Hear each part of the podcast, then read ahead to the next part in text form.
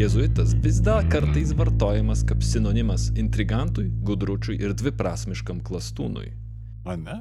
Jo, jo, čia yra paimta iš uh, kažkurio žodino. Websterio gal? Websterio. Li- Lietuvių Jo, jo, jo. kalbos žodynas pagal Tomą. Websteriu, sakė, Websteriu. Ai. Websterio. Trumpi Atsiprašau. lenkų anglų pasikalbėjimai. Hi, Jew. Zuit. I would allow it. Sveiki, įsijungia podcastą Proto Pemza. Laida, kad yra kaip paskutinis degtukas tualete be langų ir šviesų.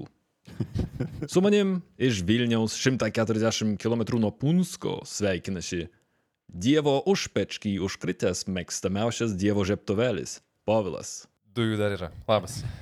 Dievo darža auganti Velnio salota - Aivaras. Salvė.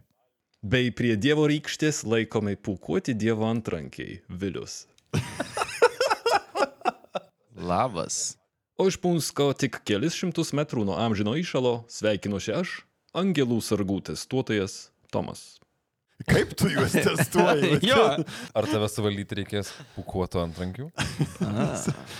Šiandienos epizodas bus apie galingus masonų priešus. Propagandos meistrus juodais rūbais, katriem vadovauja juodasis popiežius. Ilgą laiką konspiratoriškiausių organizacijų podiume. Ordiną kaltinama Voiničio manuskriptų nuslėpimu, Prancūzijos ir Amerikos revoliucijų suorganizavimu, Abrahamo Lincolno ir Johno Kennedy žmogžudystėm, Titaniko nuskandinimu, siekiais uždominuoti pasaulį ir netgi pačiu holokaustu. Damn. Labai daug visko. Šiandien taikinį juodoji jėzuitų legenda. Klausyk, toks ilgas sąrašas visai atsakomybių. Mhm. O jo, Beveik kaip popiežius pats. beje, šitą temą nubalsavo mūsų dosnus patreonai. Tai dėkokit jiem arba juos kaltikit, mes atsakomybės neprisimam už kokybę šito epizodo. Tik tai greitas, ryškiai žalias perspėjimas, kad netraktuokit šito baisiai rimtai. Pagrindiniai mūsų šio epizodo šaltiniai tai yra Erikas Fratini su savo knyga La Santa Alianza, Malachi Martin su savo knyga The Jesuits, The Society of Jesus and the Betrayal of the Roman Catholic Church, Davido Kercero The Pope and Mussolini bei Uršulos Augustiniak aprašyti Vilniaus raušių įvykiai. Ir pora akademinių straipsnių. Ar visa tai yra dėstoma jezuitų gimnazijos studentam? Ar, ar ne? Iš jų yra sudarytas jų himnas. bet Iš atskirų bitų. Man atrodo, jie yra labiausiai suinteresuoti, kad mes neatskleistum viso šito purvo. Gal užsirakinkim, aš nežinau. Mm, jo, kažkaip truputį nejauku. Tau atrodė, dėl ko aš punskė sėdžiu. Sa- Saugiai.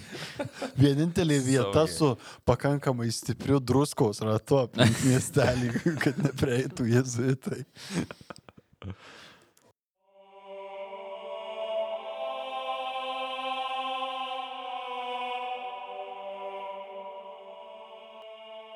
Juodoji jėzuitų legenda savo ištakas turi audringuose 16-18 amžiaus pasaulio įvykiuose. Mūšių laukuose, aidint patrankom ir suluošintų karų riksmam, gatvėse, universitetuose ir maldų namuose vyko įnirtingas karas tarp Romos katalikų ir it šiaudai iš punskelioko batų iš visur lendančių protestantų. Su paskutiniais viduramžių atsidusėjimais Europą užtvindė ideologinė kova. O viskas prasidėjo 16 amžiui su vienu baskų kilmės riteriu - Inigo Lopez de Onijas į Loyola, dar žinomu kaip Ignacijus Loyola. Ar jis turėjo padėjėją ant, ant siliuko šalia? O, sužinosi, tikrai turėjo padėjėją ne vieną. Ah, okay. Inigo gimė 1491 nuskurdusių riterių ir karų šeimoje. Nors motina mirė neilgai po gimdymo, Inigo turėjo dar 13 brolių ir seserų, kad jie jį augino. 14 vaikų pagimdyti. Ir užkuri tokią šeimą, kad paskui pa, tokia ekosistema. Self-sustaining system. 16 metų, žinai, pasimirė. Jie nuo mažens šeria Inigo pasakojimais apie didingus įvykius. Apie tai, kaip prieš mažiau nei pusę amžiaus žlugo Konstantinopolis, o su juom tūkstantmetė krikščioniška Bizantijos imperija. Apie tai, kaip ispanai pagaliau nukovė paskutinę musulmonišką karalystę Iberijos pusėsalin - Granadą, o kovose žuvo Inigo tėvas ir du broliai. Ir apie ką tik atrastą visiškai naują žemyną už Atlanto. Kaip skaitom pas Malačiai. Mums sunku įsivaizduoti staigų proto ir pasaulyje žiūros pokytį, kurį šis atradimas primetė Inigo amžininkams. Galėtumėm jį nebent prilyginti prie spekulacijų apie nežemiškos gyvybės atradimą. Inigo karta buvo pirma, kuri užaugo su tikrai globalia perspektyva. Visa žemė tapo jų paveldu ir žaidimų aikštele.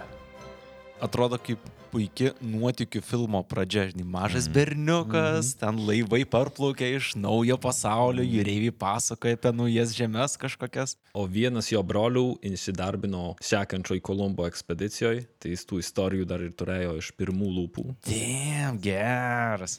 Bet kiek daug įdomių žinių pareina į jo vartus. Jis turėjo e, tokį analoginį internetą, žinai, kur mm. gauni iš kitų pasaulio kraštų informacijos. Nice. Inigo charakterį, o tuom pačiu ir būsimą organizaciją formavo ne tik pirmi renesanso gaidžiai, ale ir asmeniniai įvykiai. Šešiolikos jis tapo Ispanijos karalienės Germain de Foix pažu, nu tai yra tarnu. O ta karalienė buvo jauna, mėgo išgert, mėgo užbaliavot. Ir įsivaizduojam savo daugmaž, kokio tipo riterius aukštuomenė tai gimdo. Tikrai nebus Mhm. patys kukliausi ar, ar, ar save laikantys kažkuo prastesniu. Dvare įnygo suvyriškėjo. Metro 54, tamsia plaukis, barzdotas riteris, greitas tiek sušokt gajardo, tiek įrodyti sugebėjimus su špaga, durklu ir pistoletu, tiek atsakyti tikrą ar menamą įžeidimą. Metras PM4, toks galiūnas, sakyčiau. Ar jis čia pažu dirbdamas tiesiog kaip uh, šal, šalimais tiesiog išmoko visą tai, ar jis bandė persiorientuoti į kažkokias kitas pareigas? Jis buvo iš riterių šeimos. Mm, tai neišvengiama. Tai čia buvo jau ir dalis šito, jo, neišvengiama buvo, plus Mhm. tai buvo natūrali progresija karjeros, arba tu jai galbūt į politiką, arba į kažkokį mokslą, arba tu tapai riteriu, o riteriai buvo, ką visi žinom, patys kiečiausi. Nu, čia daug maž kaip e, esi, esi mokykloje ir nori būti krepšininku. Aha, žinau, ką tai reiškia. O charakterio buvo bjauraus. 1515 karnavalo metu kartu su broliu jis buvo sulaikytas už kabutėse naktinius nusižengimus. Byloj apie jį rašoma. Žiaurūs naktiniai nusikaltimai įvykdyti valingai, klastingai ir iš pasalų. Jis apibrėžiamas kaip Negarbingas savo apranga, dar blogesnis savo elgesiu. bei Suktas, žiaurus ir kerštingas. Netrodo kaip riterio atributai. Matai, tavo riterio apibrėžimas turbūt yra per daug paremtas Volterio Skoto Ivanho e, motyvais. Kamelotiškai. Jo, nes kiek suprantu, riteriai toli gražu ne, ne, neturėjo labai aukštų charakterio reikalavimų. jo, čia yra visiškai Džordžo Martino e, riteris.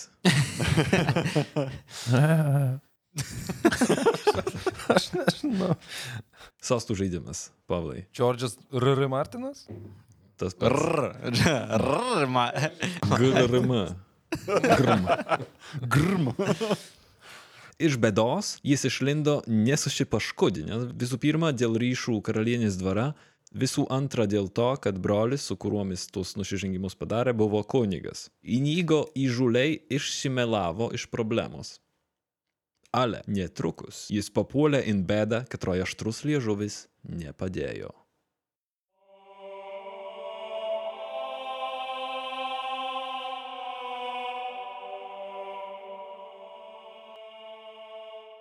Žvėriški riksmai aidėjo ligoninės koridoriais, gydytojam laužant neteisingai suaugusi basko blausdikaulį. Pamplonos mūšin paleistas patrankos sviedinys sutraiškė koją ir nepaisant net keturių operacijų, be nuskausminimo, ale ir be prieštaravimų, jis liko šlubas. Riterio karjera baigta. Tai metras 51 dabar. Vis dar pusantro metro.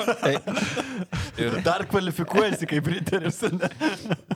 Čia 16 amžius. Jo. Jo. Ir žinant 16 amžiaus mediciną, tai po keturių operacijų dar šlikštesnis turėjo būti. O jo, charakteris turi. Dabar, jo, operacija tai realiai pas mėsininką nuvedė ir nu, nupjo. Tiesiog jo. Kur į, į tą, į halato, į rankšluostį nusivalo e, peilių, kur ką tik keulės pjausi. Nu, eik čia. Žmonės daug labiau buvo diversifikavę savo įgūdžius tuo metu turbūt. Jo, mūrininkas, bitininkas, chirurgas. Čia tu jau visą miestelį vardėjai. Pala, pala. Ale, ten, kur vienos durys užsidaro, prasiveria kitos. Ilgos rekonvalescencijos metu Inigo skaitė šventųjų biografijas ir patyrė religinį atsivertimą. Pradėjo rašyti savo knygą, kuri vėliau tapo pagrindinę ordino naujokų instrukciją, pavadintą dvasiniais pratimais. Sveiki, kas yra rekonvalescencija? aš nevaidinsiu, kad aš supratau, kamo, nes aš galiu linksėti, bet... nu, Reabilitacija, kol gydėsi. Laukia, kol jam išgisto į koją, jis nelabai ką gali nuveikti. Tai skaito hagiografijas. Ką tokia? aš žmogus rodiklį. Skaitė 16 amžiaus Marvelo istorijų atitikmenį, tai yra šventųjų biografijas su stebuklais. Prasme šventųjų biografijos ir Marvel Okay. Ultimate Universe. The only universe. Inigo nusprendė tapti kunigu. Kas ten buvo jo brolis ar draugelis, su kuriuo um, Gerai. tūsino? Gerai, jo, jo. Aš irgi noriu būti kunigu. Fuck it, kojos neturiu vėliau. Tai buvo, ne, nelabai daug lieka opcijų. Čia kaip prisišneki, žinai, per pagėrimą. Paskui turi, turi atsakyti už tuos žodžius, kuriuos pasakėjai. Yra pagrindo tikėt, kad čia buvo nuoširdus jo atsivertimas, kad jis e, tikrai nušvito. 13 metų jisai mokėsi ir keliavo. Ir 1537 Sorbonoj jis buvo išventintas Ignacium Loyola. Ir tada su septyniais pasiekėjais jis energingai ėmė agituoti pas patį popiežių, kad anas leistų įkurti naujo tipo ordiną. Inigo visada ieškojo daugiau. Jo ambicijos dvare, riterystėje, tikėjime visada reikalavo viršyti kitus bet kurioje srityje. Antra vieta niekada jo nedomino. Jo tikslas nebuvo didi Dievo garbė, bet, kaip pats pasakė, didesnė Dievo garbė. Greater glory of God. Ir štai 1540-aisiais popiežius Paulius III savo parašu leido įkurti pačią efektyviausią ir ištikimiausią organizaciją 2000 metų siekiančioj bažnyčios istorijoje - La Compañía de Jesús arba Jėzaus draugija. Taip kaip pasakėjai, tuo, čia nežinau latiniškai, bet skambėjo kaip ispaniškai. a, Ispaniškai. Jėzus kompanija skambėjo kur kas. Kažkodėl sombrero yra, kažkur revolveriai uždė. Kaip uh, 16 amžiaus baikeriai. jo, jo. La compañía de Jesús. Ant asilų visi joja. Visiškai teisingai už tai, kad e, žodis kompanija buvo naudojamas ir samdiniam, karo samdiniam. Mm. Ai, kompanija, ne kaip būtų. Taip. Bad company. Būtent.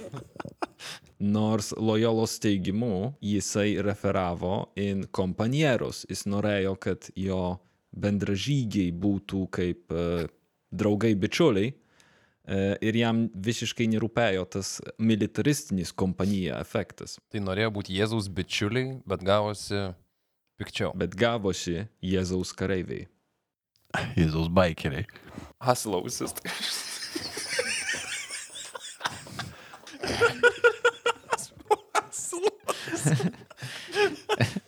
Jie galėsi kažkada perina į komediją iš Westerno. Le kompanija, Jėzus.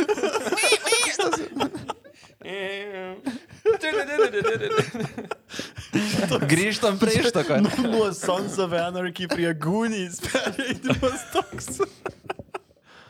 ilgą laiką ir vis dar kartais jėzuitus vadino Jėzaus kareiviais, Jėzaus kariais. Bet ar jie buvo vieninteliai, kurie gavo šitą tokį titulą, kad Jėzaus kariai, jie tikrai, na, jų tas pavadinimas iš tiesų buvo toks karingas palyginus su visais kitais, ten dominikonais ir panašiai. Taip, bet čia buvo, kaip matysim vėliau, čia buvo labai dažnai iš išorės ateinanti pravardė.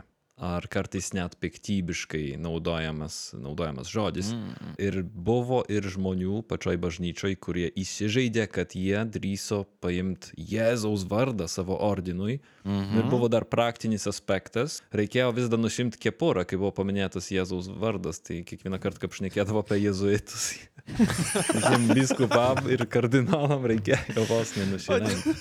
Ką tik visą seriją, ta, kur ateina Dvaitas ir e, į, į savo renginį, kur džimas yra susetapinės viską, kad jis turėtų kiekvieną kartą ištarti, kaip pro jį praeina žmonės. Tai lygiai taip pat. Praktiniai bajeristai tokie nuo pat O, pradžių. o man tai čia toks e, visiškai Monty Python sketchas. Absoliučiai.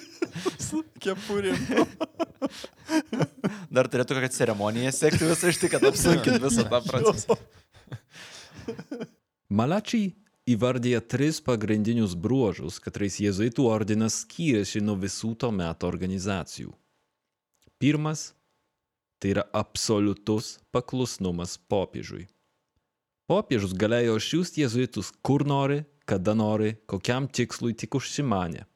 Ir nors popiežius turėjo aukščiausią autoritetą ir kitose organizacijose katalikų, kiti ordinai apibrėžė, ko įprastai popiežius gali jų reikalauti. Tai čia toks popiežiaus spetsbūrys, Mhm.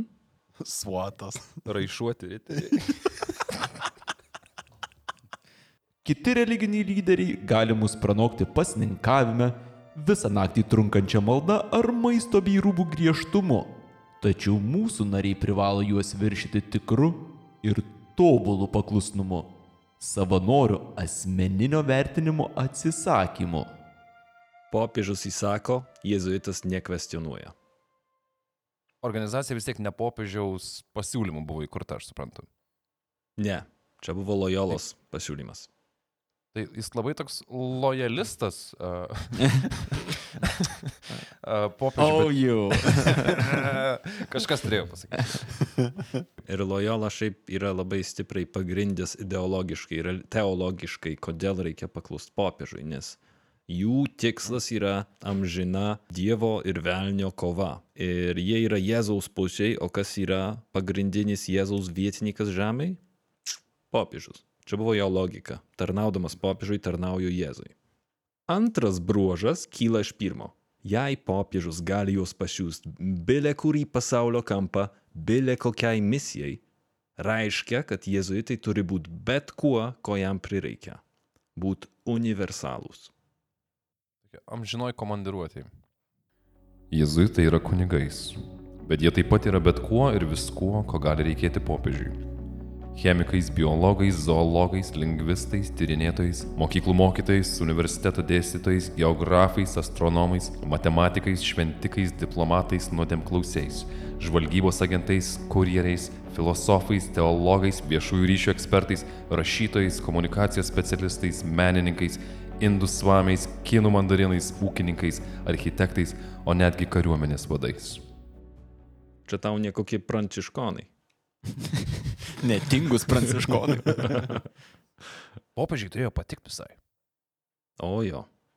Bet ne kiekvienam. Trečias bruožas - askezė, meditacija ir griežta savianalizė, padedanti atskirti, ar jėzuitą motivuoja kažkas dieviško ar velniško. Visi naujokai turi praeiti da lojolos sukurtą treniruočių programą, kas nemaža dalim prisidėjo prie jėzuitų įvaizdžio. Pašaliniai žavėjosi jėzuitų šalto objektivumu. Tačiau šis bruožas dažnai buvo matomas ir kaip išskaičiuotas gudrumas. Jėzuitai perkalbėdavo, perginčydavo, perrašydavo ir išmanevruodavo pačius įspūdingiausius priešininkus kiekvienoje srityje. Tai mes nuo pat pradžių turim išsilavinusius, disciplinuotus ir ištikimus. O mažam gudrus, indoktrinuotus ir fanatiškai paklusnius. Jie skamba kaip um, tokie aukštesnio lygio, kur kryžiaus žygiai jie būtų biški aukščiau negu paprasti kareiviai. Tokie daugia funkciniai kažkokie vienetai, kuriuos gali siūsti kur nori, jie gali bet kuo būti. Labai naudingas, nežinau, ar juos ginklų galima įvardinti. Turbūt galima, ne? Netgi reikia. Jėzuitų organizacijos struktūra paprasta kaip kryžius be skiršinio. Aukščiausią valdžią turi generolas. Ta prasme, literaliai jo funkcija yra generolas. Father General. Tėvas generolas, rimtai. Wow. Padre general. Padai, general. Labai daug to militaristinio akcento yra kaip žmonėm, kurie pradėjo nuo brolyjos tiesiog draugų pasibuvimą, ne? Primena kažkokį kaip FSB flangą skirtą susidarojimui su vadovo. Generolą išrenka jėzuitų asamblėja. Ir jį išrenka visam gyvenimui. Tai reiškia, kad tau nereikia rūpytis, kad tave perinks. Tu jau gauni mandatą pasitikėjimo. O visos kitos pareigybės, vietiniai vadovai, žemesnio rango jėzuitai, assistant to the regional manager yra skiriami ir, ir atleidžiami generolo. O generolas pagal viską atsako tik tai prieš popiežių. Tai realiai prieš vienintelį žmogų, kuris atsako prieš Dievą, ne? Mm. Jo. Aukštas pareigas visai sakyčiau. Mm. Ir tai pats savo susikūrė tas pareigas. Mhm, būtent, mm -hmm. čia geriausia dalis tikriausiai yra. Ne? Taip kaip prieiti prie, e, nežinau, Vladimiro Putino ar ten Bilo Gateso ir sakyti, tai nu tai... I'm your number two. Jo. Ok. okay. Tas popiežiaus paskui klausė, tai iš kur šitas atsirado? Nu, atėjo, atsisėdo ir sėdi dabar, nu ką, nevysi dabar. Toks, žinai, kaip popiežius paklausė, o iš kur šitas atsirado ir popiežius, po, popiežius. ir, ir popiežius taip, o iš kur jis atsirado, rimtai? Jie. Aš maniau, kad jis su rūmais atėjo. 30 metų po įkūrimo jėzuitų kompanija siekė daugiau nei 5000 narių ir turėjo atstovybės visuose žemynuose, įskaitant Japoniją, Etiopiją, Braziliją, apie Europą net nerko šnekėt. Iš visų įrankių, katrais jėzuitai formavo pasaulio politiką, efektyvios administracijos, visapusiškų fanatiškai atsidavusių narų ir išklausančios ausies galingųjų dvaruose, turbūt lengviausiai nuvertinamas, al ir vienas galingiausių, yra švietimas. Geriausių tautų Respublikoje ir kitur Europoje, o taip pat praktiškai viso, visose Amerikose, kelis šimtus metų jėzuitai praktiškai monopolizavo švietimą. Visų pirma dėl to, kad 16-17 amžiui dar neegzistavo jokias visuotiniai priimtas švietimo modelis, ne valstybės reikalas ar mokesčiai skaityti. O jėzuitai sąmoningai išsispecializavo būtent šitame. Stanislavas Zalenskis savo XIX amžiaus veikale, pavadintam Ar jėzuitai sužlugdė Lenkiją, rašo. Labai lenkiškas pavadinimas. 19 amžiaus, ne? Motyvas išlieka nepakitęs. Ar įrašykite žodį, sužlugdė Lenkija. Mokėjo parduoti. Nepriklausomai nuo religinių ir politinių ypatumų, jaunųjų kartų išsilavinimas yra kiekvienos propagandos svertu. Tad natūralu, kad karaliai ir vyskupai stengiasi tapti šios ryties ponais. Tai suprato ir jėzuitai, vienas svarbiausių savo pašaukimo tikslų prieėmė jaunimo ugdymą. Zauenskis pažymė, kad ordinas privalėjo paisyti vietinės kalbos ir politinės sistemos, reiškia, kad monarchijoje negalėjo mokyti apie respublikoniškus dalykus ir atvirkščiai, kad nesukelt uh, karaliaus rūstybės, pavyzdžiui, kad jų neišspirtų. Ale, nepaisant apologetinio autoriaus tono, greit pamatysim, kad jų veiklą galima susijęti su ne vienom reušiam ar revoliucija. Labai įdomu, kad e, popiežiaus tarnai pasirenka veikti per tokį kaip ir nenoriu sakyti propagandinį, bet pasakysiu būdą, švietimą, ne? nes tu tiesiai paveikia jaunų žmonių galvos dešimtmečiam į priekį, tai pasilieki savo galimybę suformuoti labai daug ateities klodų būtent per tai, ką tu pasakosi, kaip tu tom nekaltom istorijom pateiksi tą pasaulio suvokimą. Tai kitus sakytomai, kad kyla kažkokių reušių po to, ar, ar jie na, prisidėjo prie to, tai visai nekeista, nes įsivaizduoju, kad jaunus žmonės galima su sudėlioti, sulibdyti taip, kaip tu nori, jeigu tu esi pagrindinis švietėjas, pagrindinis mokytas, pagrindinis pasaulio vaizdo kuriejas. Čia labai protinga, atrodo, labai išmanu, labai šiolaikiškai iš tikrųjų iš tą vietą. Anksti suprato Mhm. labai, ką reiškia švietimas ir nu, propaganda. Mhm. Kas paaiškina, dėl ko ir šiom dienom e, jėzuitų švietimas, kur be pažiūrėsim, į kurią valstybę, net kreipšim žvilgsnio, e, jis yra kokybiškas. Jie šį specializavo ir tą visą laiką stengiasi daryti labai gerai. Nu, ir pas mus panašiai. Mhm. Nu, brenda palaiko tikrai. Jo. puikiai. Man tik įdomu ta adaptacija per laikus, kai vyksta, kad išlaikytum švietimo kokybę, keisdamas matą pagal tai, kas yra kokybiškas švietimas, bet vis tiek, kad tavo vardas būtų sinonimas kokybiškam švietimui. Mhm. Įdomus pasirinkimas, bet veikia matomai. Ir tas turėjo e, įdomių pasiekmių.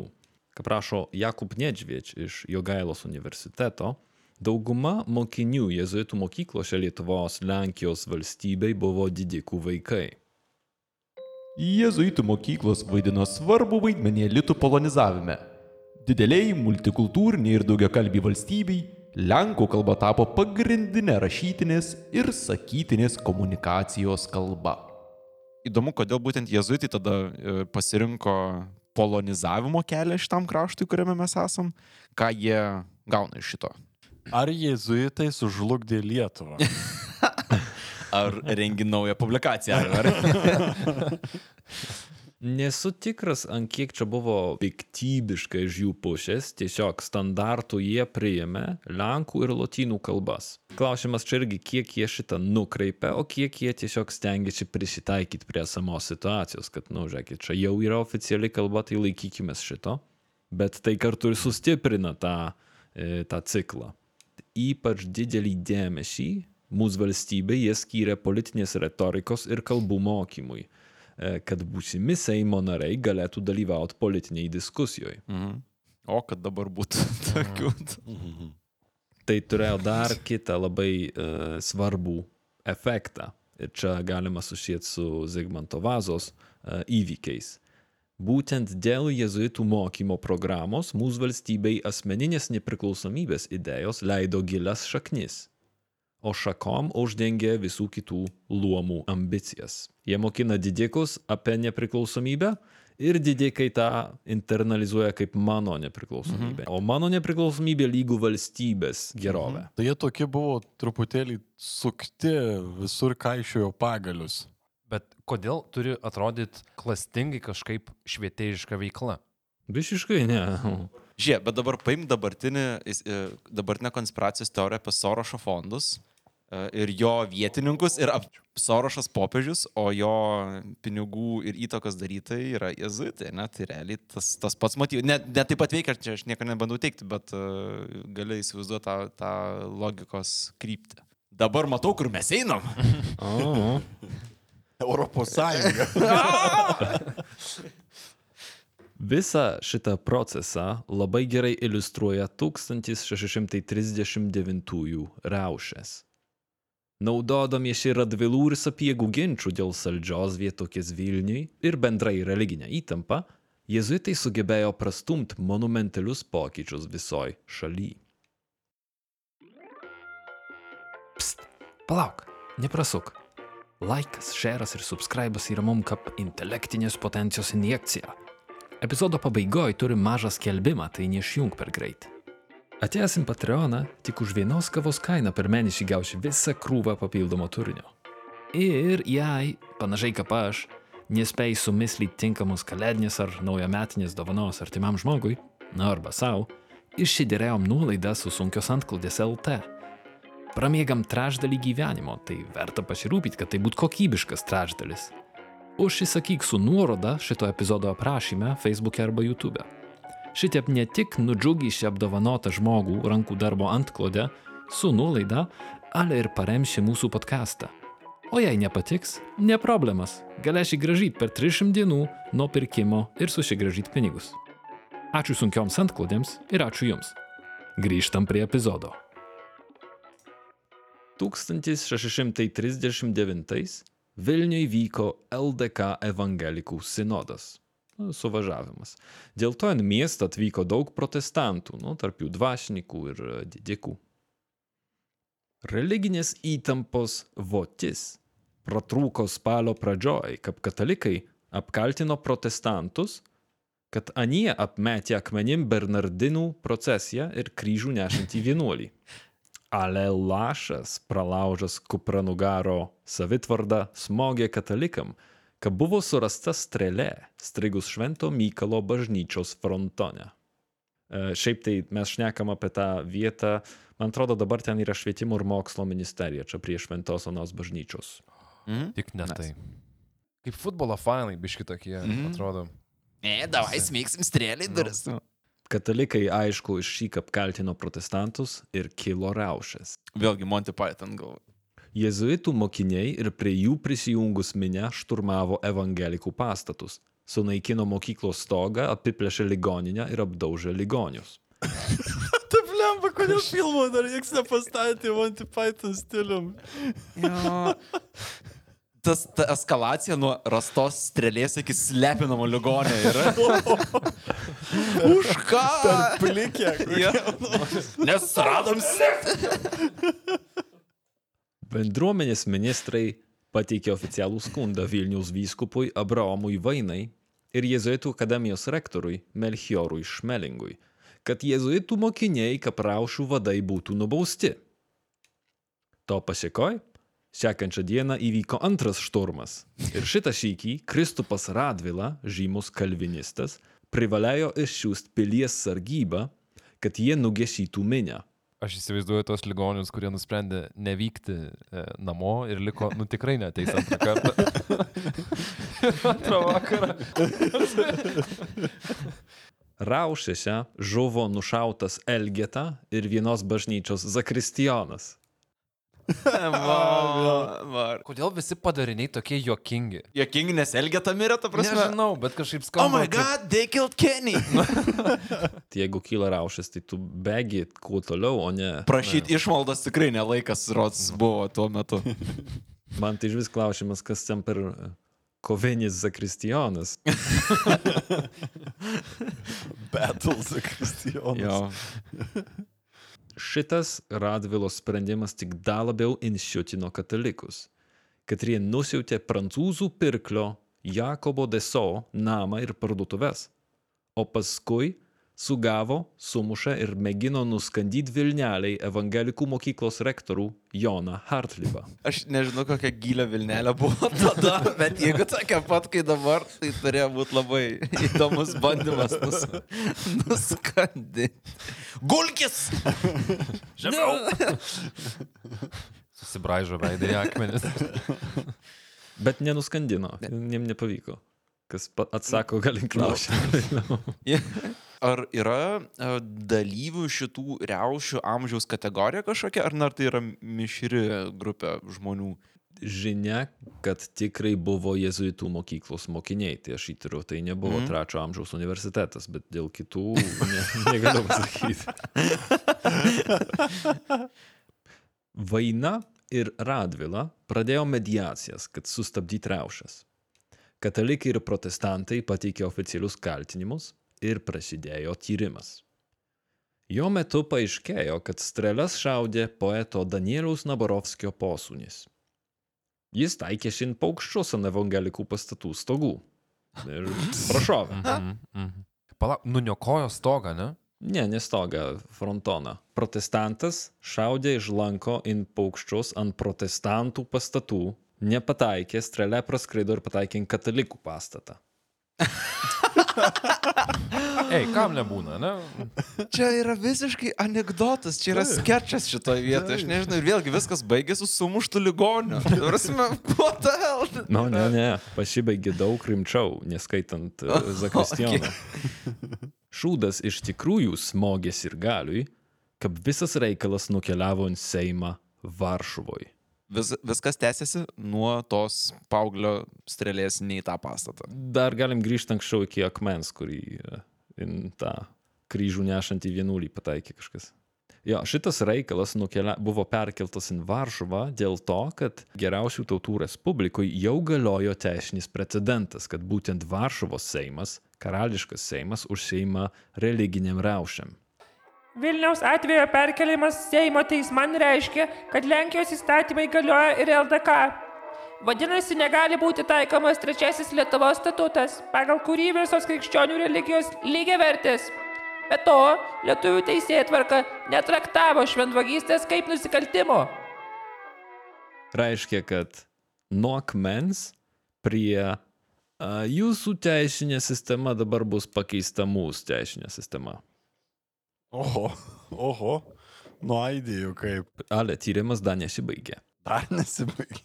Nepaisant vainos ir jėzuitų rektoriaus Šmelingo protestų, raušų dalyviai buvo sulaikyti ir apklausti. Seimo komisija tyrė įvykius. Vyskupo pastangomis evangelikų parodymai buvo atmesti, o vienas parodymus sudėjęs deputatas Elijas Menžikas netgi pasudytas in kalėjimą vien už tai, kad sudėjo parodymus. Tuo tarpu Lietuvos tribunolas Minske pareiškė, kad evangelikų parodymai tai šmeištas ir pasišaipimas. Ir kad Įžeidimas Dievo bažnyčiai ir pasauliniai Romos religijai, kuri Dievo garbiai nušvietė Lenkijos karūną ir Lietuvos didžiąją kunigaikštystę.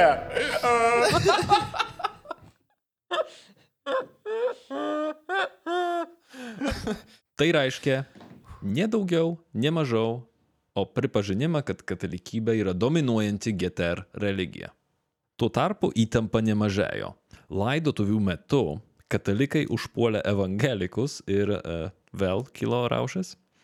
O Velykų metu taramai evangelikai, sakau taramai, bet pasklido tokia, uh, tokias plėtkas, kad evangelikai prie Švento Jono bažnyčios pakišo nuo odos nuluptą nukryžiuotą šunį.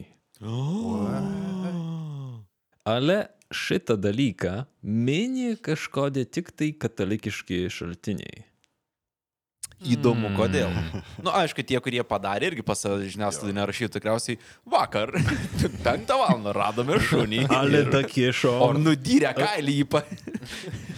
Ar turi šuo būtinai nukryžiuotas kažkokį tai simbolį? Nu, Jėzus nebuvo netoliese. tai nebuvo. Ne, bet taigi abi dvi grupės yra Jėzum tikinčios. Jo, Jo, jo bet bet šuo, šuo tai čia skaitytųsi turbūt kaip tam tikras pažeminantis simbolis. Bet Jūs- irgi Jėzum tiki. Jų Jėzus yra šuo. Dabar Aš jau rankoje gniaužiu akmenį, žinok, čia nes. Skamba logiškai, visiškai. Jo. A, Mūsų Jėzus yra uh, geras Jėzus, o jūsų šuo. Viso šito reikalo metu vyko propagandinė sapiegų kampanija nutaikyta prieš evangelikų pastatus, kad neva tie pastatai buvo pastatyti kabutėse įžeidžiant katalikus ir prieštaraujant karaliaus įsakymam. Nesvarbu, kad protestantai pasistatė pirmi, o tik paskui katalikai. Galų gale karalius nusprendė, kad katalikų žodis teisme yra vertas daugiau nei protestantų ir liepė nugriauti bendruomenės pastatus, perkeliant juos prie tuometinių kapinių, dabar žinomų kaip reformatų skveras. O protestantiška Radvilų žemė atiteko sapiegom. O, sapiegos.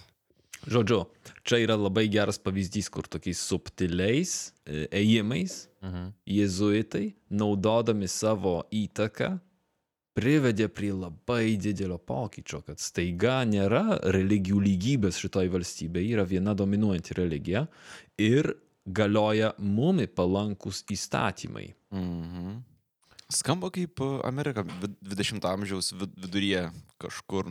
Protestantai ar jėzuitai metė pirmąjį akmenį? Atseit, Aišku, kad protestantai. atseit protestantai, bet Iš jėzuitų perspektyvos. tikiu, kad čia galėjo būti false flag operacija. Va, va, va, va, va. aš šitą turiu False klausimą. flag operation. Lemba, šiuo metu paleidžia raketas kur nors susprogdinti, čia meta akmenį false flag oper operation visą. Bet kaip ir, žiūrėk, žiūrint į uh, lojolos visą veikimo principą, ne? tai visai įdomiai atrodytų, jeigu jėzuitai pirmi ir paleistų tokius akmenis, arba bent jau sumasintų evangelikus pradėti visą šitą dalyką, ta mažytė fizinė tokia kova įvyktų, ne? bet tada jėzuitai puikiai rodytų tai, kaip jie ir apraušina visą šitą, visą laiką savo metodais siekia savo tikslų, ne? per tokius labiau diplomatinius arba švietimo dalykus, kurie nėra, nėra fizinis susidorojimas. Visiškai taip, pritariu tau, povilai. Bet galiu ir nudžiugyti, kad jėzuitam nesvetimas ir kieta kaktis, hardkorinis, espionažas, sabotažas ir asasinacijos. Fuck yeah.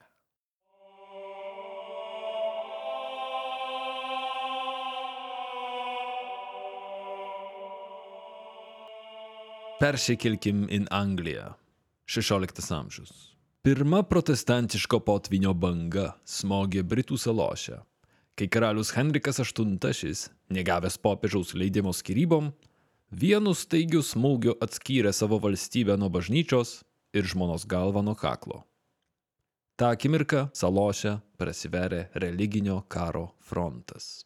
Pasimirus Henrikui, Anglijos sostą perėmė jo dukra, arši protestantė ir talentinga politikė Elžbieta I. Ale popiežiai turėjo sąjungininkę. Bain sostą pretendavo taip pat ir Elžbietos pusėserė, katalikė ir Škotijos karalienė Marija Stuart. Natūralu, kad Marijos dvaras traukė šnipus stipriau nei dviračių takai peščiuosius ir vaikų vežimėlius. Tarp jų buvo ir tamsiaplaukis, seksualus italų muzikantas David Rizio. A, kai kurie dalykai niekada nesikeičia. Jaunas, išsilavinęs menininkas lengvai užsitarnavo Marijos pasitikėjimą. Ir nepaisant protestantiškų didikų pykčio, greitai gavo sekretoriaus poziciją. O netgi, pasak nekrų šaltinių, prišildytą vietą Marijos lovoj. Ir per visą tą, Kaip kitaip jis gaus tą pasitikėjimą. nu, nežinau, kompetenciją, Yes. A, ne, nu tai taip, bet kokia kompetencija. I put the common competence. atrodo, kad e, Kompetencija. potencija labiau nei kompetencija. Wait, wait, wait. Kompetencija yra kam? Potencija. Potencija. Gerai, kad ausinis yra mind Ma, blown. man, žinai, jo, tik ausinę Atgal, sulaikė šiuo metu, na, išstaškė. Ale visą laiką, kol Rizio dirbo Marijos dvare, jis siuntė detales ataskaitas popiežiui Pijui V. Arba Pijui V. Pijus. Visą situaciją su bejėgiu įniršiu stebėjo antras Marijos vyras - Lordas Henry Darnley. Nors Darnley užsisvajojo pašimti visos Anglijos sostą savo, sugebėjimų ir išjautimo turėjo panašiai kaip mums žinomas pirmasis GTR šokėjas. Per mažai. Gosh, gosh, darnly. Matot,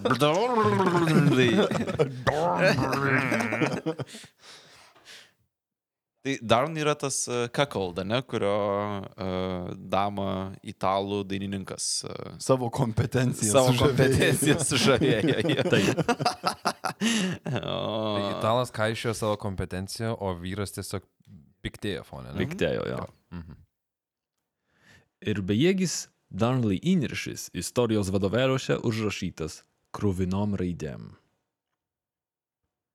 1566. Kovas.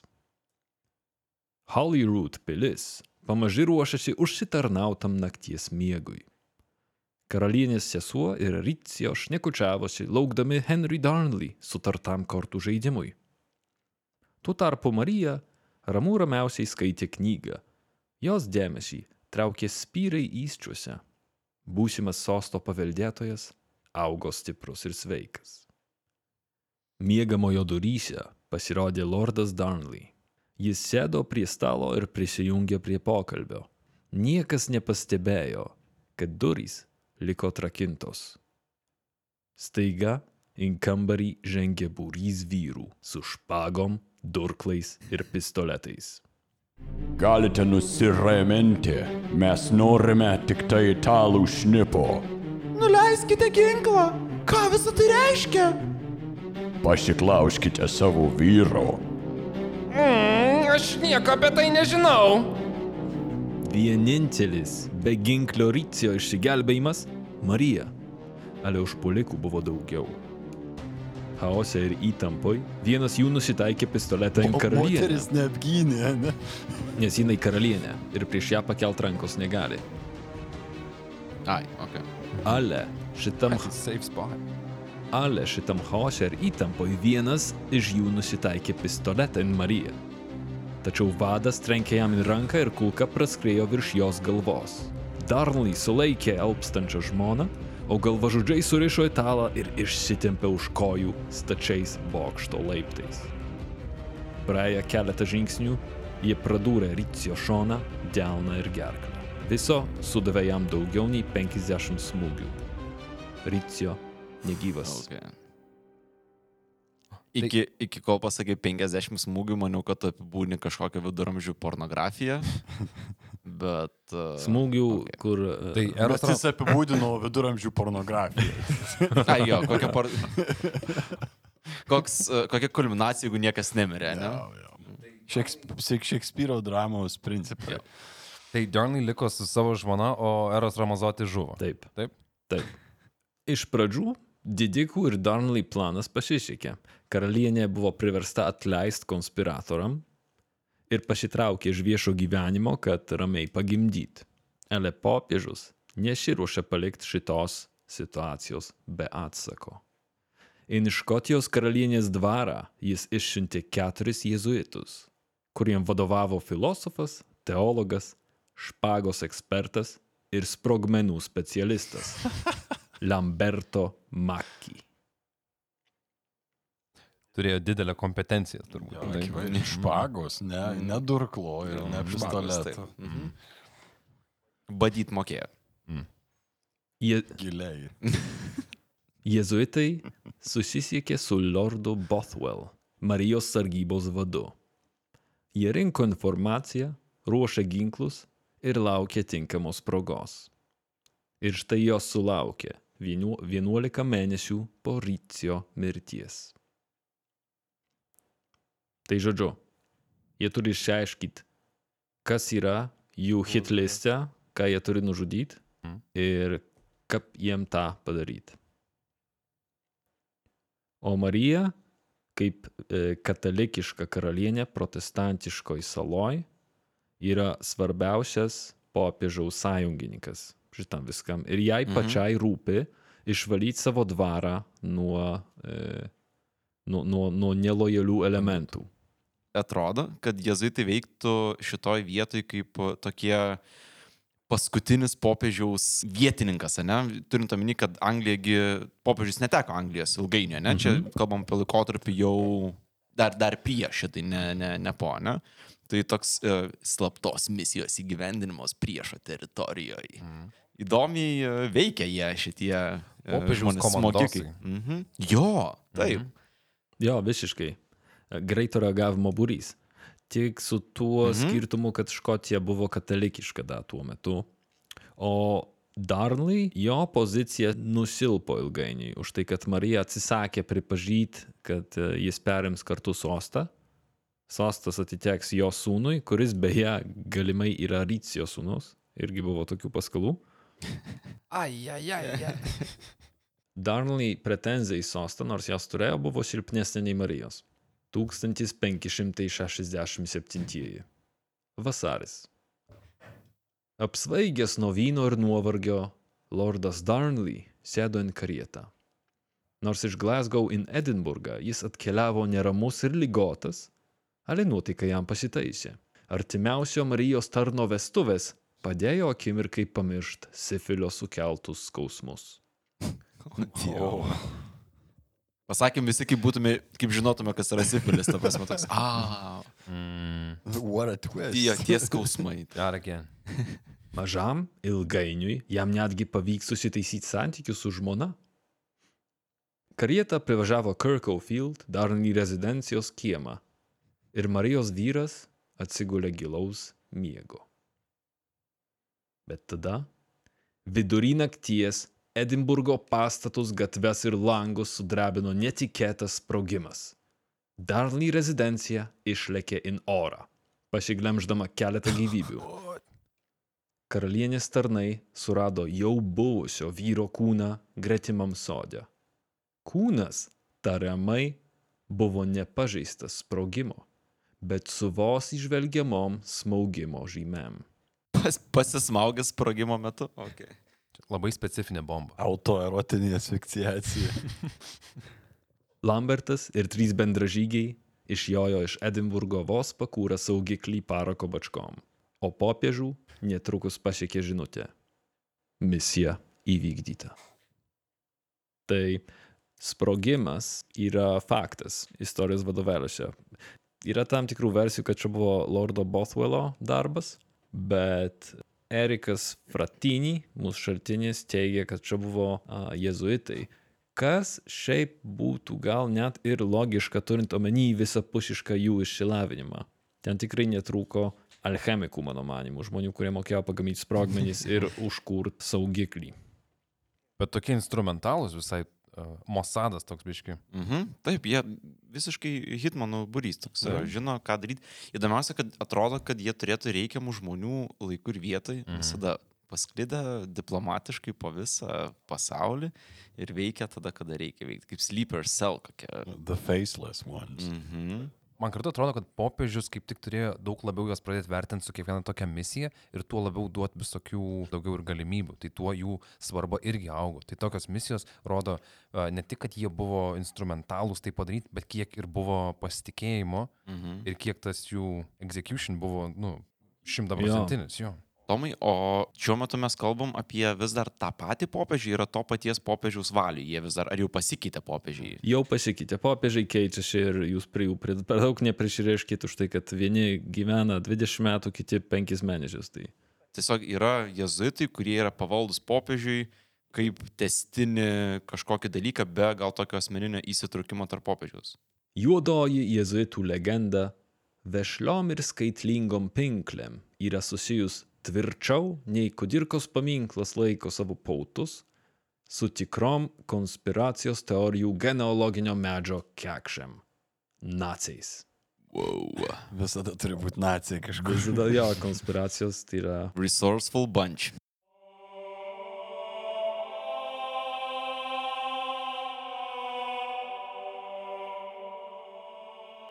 Kaip kurie autoriai, tokie kaip Robert Dudley, duoda supras, kad iš principo, būdami absolutizmo šalininkais, jezuitai padėjo nacionalsocialistam patekti į Reichstagą. Jezuitai iš tikrųjų parašė Mein Kampf, pasiūlė in galutinį sprendimą, intraukti neįgalius ir bendrai paėmus valdė Hitlerį kaip marionetę. Hmm.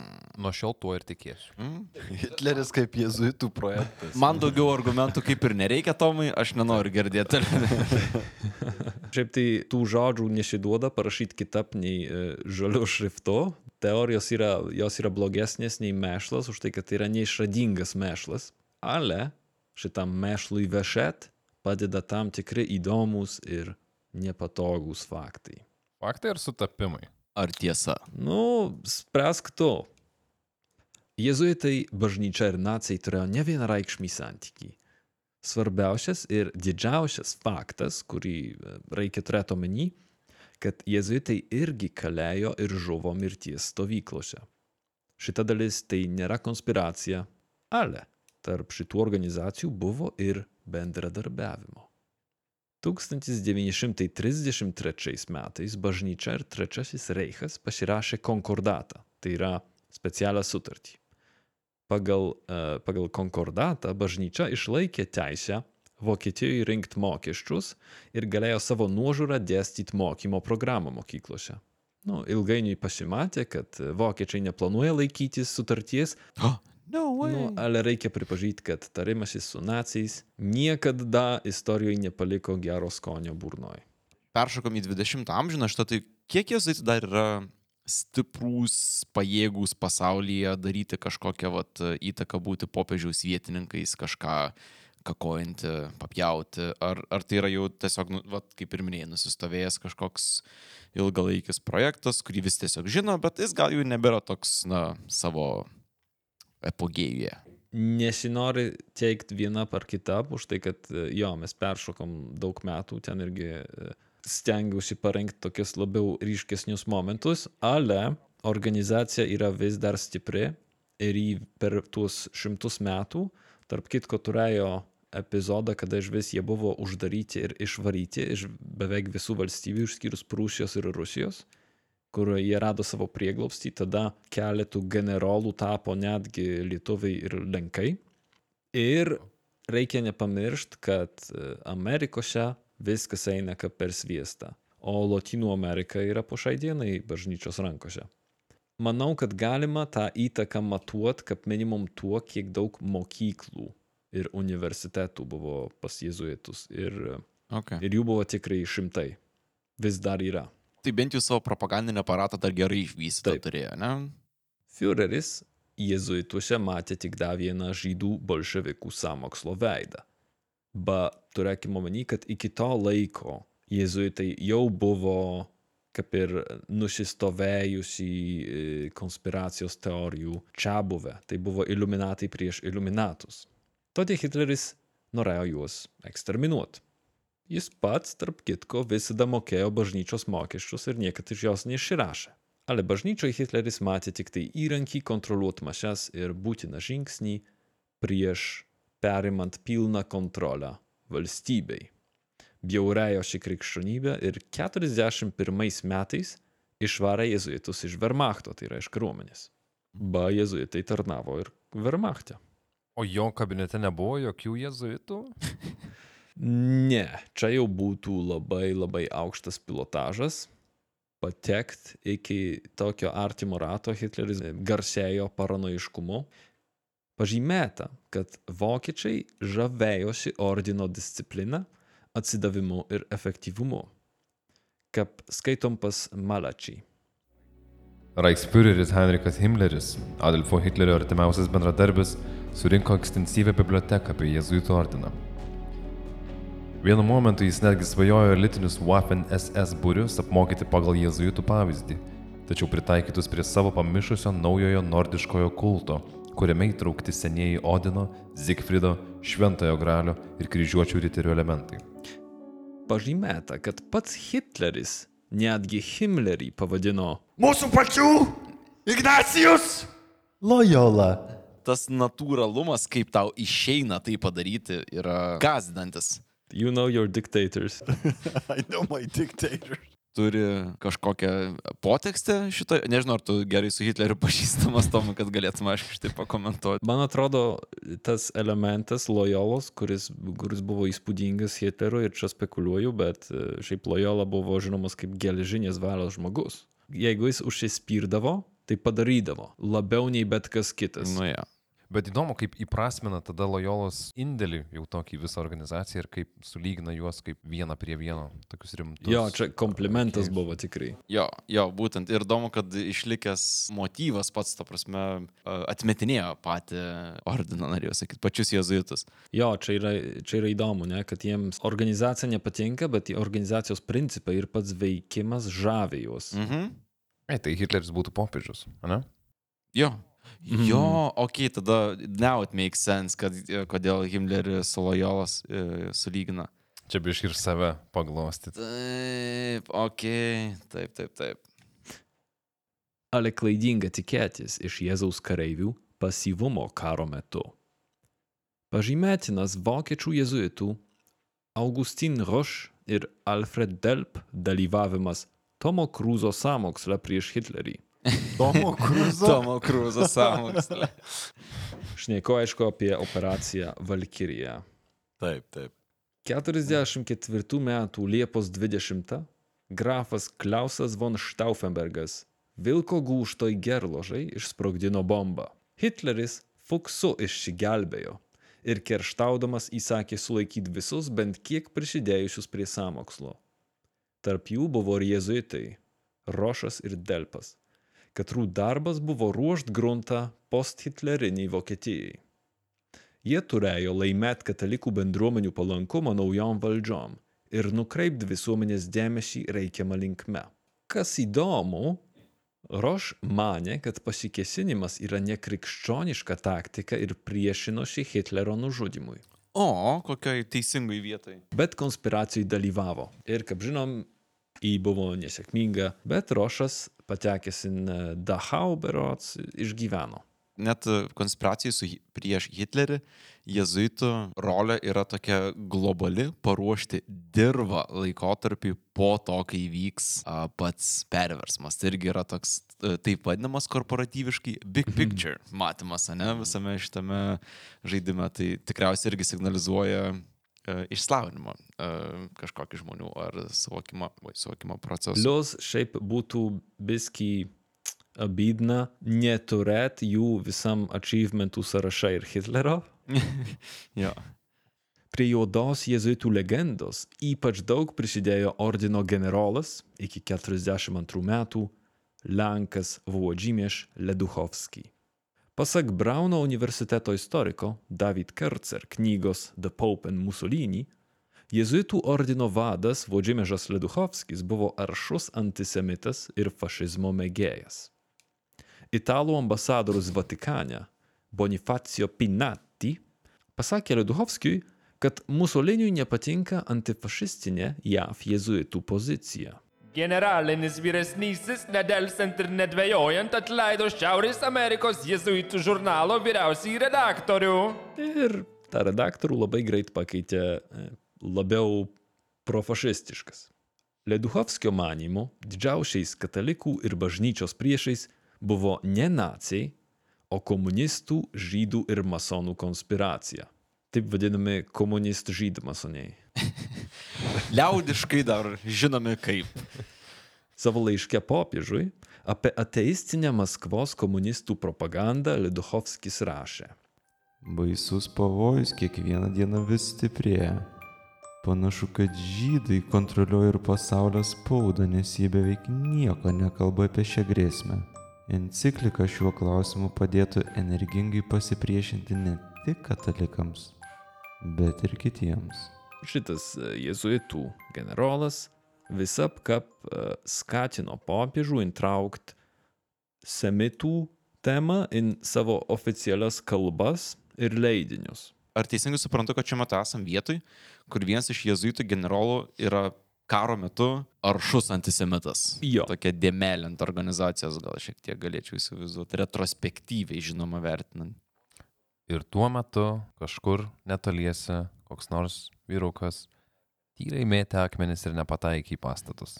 Iš kur strėlė praskrenda. O ligoniai nieko nenujauti. Not again. Ir Žek atsako jam vedu raketą. Komentuodamas e, vienos popiežiaus kalbos juodraštį, jisai šitaip parašė popiežiui. Manau, kad būtina šioje enciklikoje bent jau paminėti žydų įtaką, nes nekyla bejonių, jog ne tik intelektinės komunizmo ištakos žydiškos, Marksas Lasale buvo žydai, bet ir komunistų judėjimas Rusijoje buvo suorganizuotas žydų. Taip pat ir šiomis dienomis, nors ne visada atvirai kiekviename regione būtent žydai aktyviausiai propaguoja komunistinę propagandą. Šitas labai ryškiai parodo, kad tas organizacijos struktūros stiprumas, paprastumas yra tiek pat pliusas, kiek ir minusas. Už tai, jeigu generolų tampa mhm. žmogus su tam tikrom pažiūrom, tos pažiūros tada persiduoda visiems visiem organizacijai. Ir dėl to galim pamatyti e, konspiracijų teorijose apie jezuitus labai dažnai tą jų atseit flirtą su naciais. 400 metų istorijos, ne? Beveik penki. Ir tas, vat, štampukas yra. Ir dabar reikės šimtus metų kratytis, kad nu, nusimest. Galima neigti kiekvieną šiandien minėtą konspiracijos teoriją. Ir aš jų neginčiu. Galima netikėti nei viena konkrečia religija, nei religija apskritai. Tai nedaro niekino nemoraliu. Galima naudotis visais išradimais, atradimais ir mintim nepriklausomai nuo jų autorių. Ale negalima paneigti, kad organizacijos, tokios kaip jėzuitai, slaptos jos ar ne, sukūrė begalę įtakingų idėjų. Idėjų, katros pasaulį minko kaip duonos kepalą.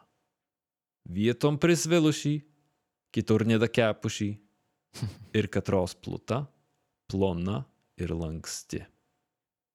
Wow. Mano žinių aruodas praplėstas yra tiek daug, kad prieš tai žinau tik, tai, kad jezuitai turi savo mokyklą Vilniui, o dabar sužinau, kad tai buvo popiežiaus FSB. Ta prasme, yra, yra tik Bažnyčios mafija. bažnyčios ma- analizuota. Jo, kažkas, kažkas toks. Šiaip labai įdomus reiškinys, nes niekada neįsivaizdavau. Išgirdus jezuitai niekada į galvą nebūdavo pirmas. A jo, čia tie, kur karalius žudydavo. Ne, labiau buvo čia, o gal knygutės kokias rašydavo, ar ten mm, pamaldėlę kokias reks galėdavo. Tai labai nustebintas likau iš to vietoje. Jo, labai pažangi organizacija. Mhm. Uh, savo laiku, kaip sakė. Pranoko, tikrai, jo.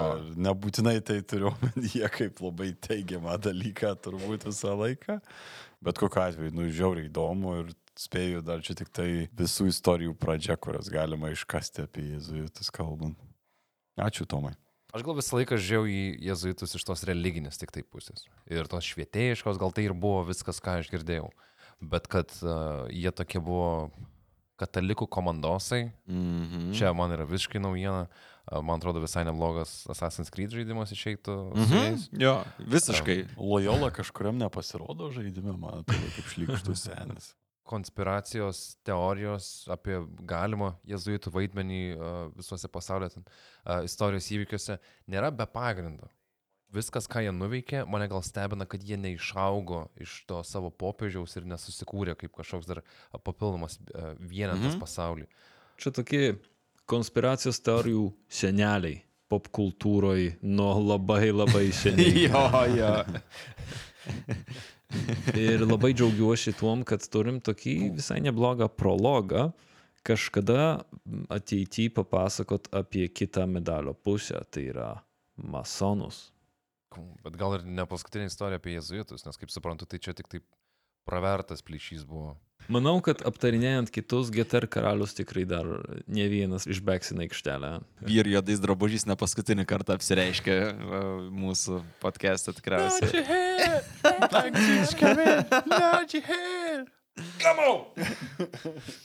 Klausytojam galime, galim prisipažinti klausytojam, mane galim prisipažinti tikriausiai, kad tai yra paskutinis epizodas šiemet.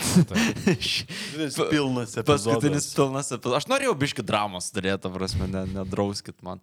Uh, šiemet sugrįšim uh, kitais metais su pilnais epizodais. Nepaliksim, aišku, jūsų tuščiai, patronai irgi nepaliksim, tai turėsit jūs turinio, tik tai vat, su ten valandiniais epizodais grįšim pailsė po kalėdų ir naujų metų. Ir pasiruošę. Pachmėlin tikriausiai, bet Turim didelių planų, tikrai sutranksim Jo, prasidės metai. tu, turim nusimatę visokių, visokių dalykų, kaip ten mum išeis, mes pamatysim. Nu, jūs pamatysim, mes tai jau žinom, kaip mums tam bus. Ei, nesakyt, pamatys, nes galvos, kad filmuosim. Jo, tai ne, dabar nefilmuosim. Taip, išgirsit, kaip mums jokių kalėdų staigmenų už tą klausimą nebus. tai galit išsigesinti monitorus, nes mes per ausis ateinam pas jumis, jau ką. Dėkojam karštai visiems, kurie pasidalino savo Spotify'aus Wrapped 21 metų. Jo, maladėts. Jūs net neįsivaizduot, kiek yra malonu matyti ten jūsų visas perklausytas minutės ir žinot, kad jūs tiek laiko klausėt mūsų. Mes, mes, net, ei, mes net tiek neištransliavom, tiksliau mes neturim tiek įrašų trukmės, kiek kai kurie žmonės Jo, klauso. Kas yra? čia vienas buvo, kur viršijo mūsų bendrą, bendrą išleistą minučių skaičių. Mes tikrai nežinom kaip, bet jeigu klausot daugiau negu kartą, labai ačiū. Tikrai labai malonu žinot, kad kažkada yra įdomu. O gal tai reiškia, kad visą laiką be klausydami užmiega ir visą laiką reikia iš naujo klausyti. Tai tiesiog taip ir... Ar tu galės pasidžiaugti, prasme? O, negadink šventės, po. Nors biškai, nors vieną kartą. prasme. Artėja kalėdos, kiekvienas iš mūsų insikūnijas vieną ketvirtadalį barzdoto šamano raudonais rūbais nori dovanot dovanėlę, užsakant mūsų taip jau ilgai lauktą ir su prakaitu gamintą merčą. Wow! Pa! Jis neseno Ga- vaikutės. Pagaliau. Mes konservavom šitą mėnesių mėnesiais mintelę pas save, ten dirbom, stengiamės ir va dabar galim po truputį apdovanoti. Patreonus, aišku, pirmą, nes, nes uh, jie stengiasi, kad mes galėtume stengtis dėl jūsų. Šiaip pasiūlytai. Atrodo, kad rankom mesgiam viską. Metai prasidės ir su galimybėmis praplėstis šitą visą. Praskėsti. Praskėsti visą šitą avantūrą plačiau ir tikrai jūs tos pažinsit. Tai laukia įdomus nauji metai, ta prasme. Susitarę e, ir pasijuokę nusprendėm, kad mums ypač patiko Agnės komentaras. Šiandien sapnavau, kad proto pemzas nariai yra maniakai ir žudo žmonės atsiviliodami juos į mišką morkomis. Mm. O šiaip čia metafora kažkokia? Aš nežinau, ar mes norime dabar plėtoti šitą. Ne, ne, temą. neskėskim. Sapne nusprendžiau, kad po šito jau kažkaip nederėtų podcast'ų klausyti ir labai buvo smagu pabudus suprasti, kad vis tik į darbą šitų bernų balsai lydės ir toliau. Agne, į darbą tave lydės ne tik balsai, bet ir naujausias protopemzos merčas. Tu laimi marškinėlius. Tu esi pirmoji ever laimėjus mūsų marškinėlius, Agne. Tai mes sveikinam tave, tu sveikink save, visi, kas girdi, sveikina tave. Ta prasme, Bravo, bravo. Valio. Tai e, mes tavo adresą paprašysim individualiai tikriausiai, kad atsiųstume Tas morkas. tas morkas jo. O visi norintys įsigyti mūsų merčą, e, laukit kantrai, sutvarkysim formalumus. O paprastesnis būdas, aišku, būtų tapti mūsų patronais e, ir sužinoti tas visas detalės greičiau, gauti visus, visą prieigą prie naujo turinio greičiau, prie visų mūsų merčių greičiau. Na, patys suprantat, kur link suku. Būk patronu, būsi arčiau visko, ką mes siūlom. Tai Ačiū Jums visiems už tai, kad klausėt, ačiū už nuostabų turinį, už šerus, už komentarus, už laikus ir labiausiai už tai, kad Jūs esat su mumis. Mes prieš metus net nesvajojom, kad būsim čia, kur esam dabar. visiškai neįtikėtina yra ten, kur jūs dėka mes atsiradom šiuo metu. Ačiū Jums, sustiksim. Na, ne, nepamirškit, Jūs gausite dar turinę šiemet, prasme, nelieka mm. tuščio. Bet mūsų šviežius balsus išgirsit jau tik sausį. Ir ačiū Jums už tos metus, sustiksim sausį, kada bus tikrieji metai, kai mes paleidom šitą podcastą ir tada pasišnekėsim. Ačiū Jums. Ačiū. Ačiū. Ramių švenčių. Valio. Salve. Iki gėlių švenčių. Gerų naujų metų. Ir be abejo, tradiciškai haiku ir padėka mūsų patronam mieliausiam. Ačiū Jums. Mes tiesiog dėkingi patronam, kad Jūs esat. Dar labiau be... Vat, ką, tik, ką, Saugnelės galėjai pasakyti. Ačiū labai. ne, ne, tikrai čia tiek daug dėkingumo, kad ne, nežinau, kaip susi, susivaldyti, kad jis nenuskambėtų. Ne, be mikrofono. Jei ne jūs, mes negalėtumėm imtis šitos ypač pavojingos temos ir bandyti Jo. ekspozinti visą jėzuitų konspiraciją, šitai papraizgiusią visus pasaulius. Visos mūsų gautas lėšas yra sukauptos e, teisininkam ir, ir Ir apsaugai. ginklam. Ir gi- ginklam. Savadaržėm sprogmenim. Ne, mažai kas žino, kad mes statomės bunkerį. Ir Ačiū, kad pasakai garsiai. Fucking hell, povilai. Ne, ne, Bunkerį LT. Tikrai nestatom bunkerio. Ne, ne. Aš, aš atiduosiu raktus. O dabar haiku. Už lango žiema. Namų šilumoj skamba brutali laida. Ačiū Mariui, Gretai, Gabrieliai, Ingridai, Vytautui, Gretei, Vaidai, Vaidui, Viktorijai, Vytui, Rūtai, Žygimantui, Šarly iš Verdansko, Evelinai Škimelytei, Pranui Žilvinui, Egliai Linetai, Vaidui Beneckui, Gintarai Irenai, Daivai Mariui, Gyčiui Daliai, Andriui, Lukui, Laurinui, Domantui, Aidui, Ailang, Justinui, Dariui, Gintui, Martynui, Sauliui, Kestučiui, Viliui, Martynui, Rolandui, Danui, Šarūniai, Gražvidui, Edvinui, Gabijai, Dovydui, Aistei, Mariui, Tomui, Romkai, Virginijai, Povilui, Smaidroniui, Simonui, Henrikui, Davidui, Algirdui, Lynsei, Linai, Gabrieliai, Gediminui, Gintai, Silvijai, Edgarui, Robertui, Domui, Richardui, Mantrimui, Simui, Rimantui, Donatui, Karoliui, Edi, Andriui, Mikui, Mindaugui, Sauliui, Indrei, Ninskaitai, Marijai, Sauliui, Mantui, Elenai, Audriui, Šarūnui, Anastazijai, Skirmantai, Mildai, Raimondui, Mindaugui, Marijui, Giedriui, Gvidui, Simui, Mariui, Kūgiui Mūgiui, Gabrieliui, Kazimierui, Juliui, Vytautui, Rasai, Karoliui, Editai, Rasai, Aistė, Jurgitai, Kerniui, Mildai, Benui ypač ačiū, Mindaugui, Simui, Tomui, Giedrai, Laurai, Arvidui, Rokui, Pauliui, Giedriui ir Doviliai. Dėkui, jūs nuostabus.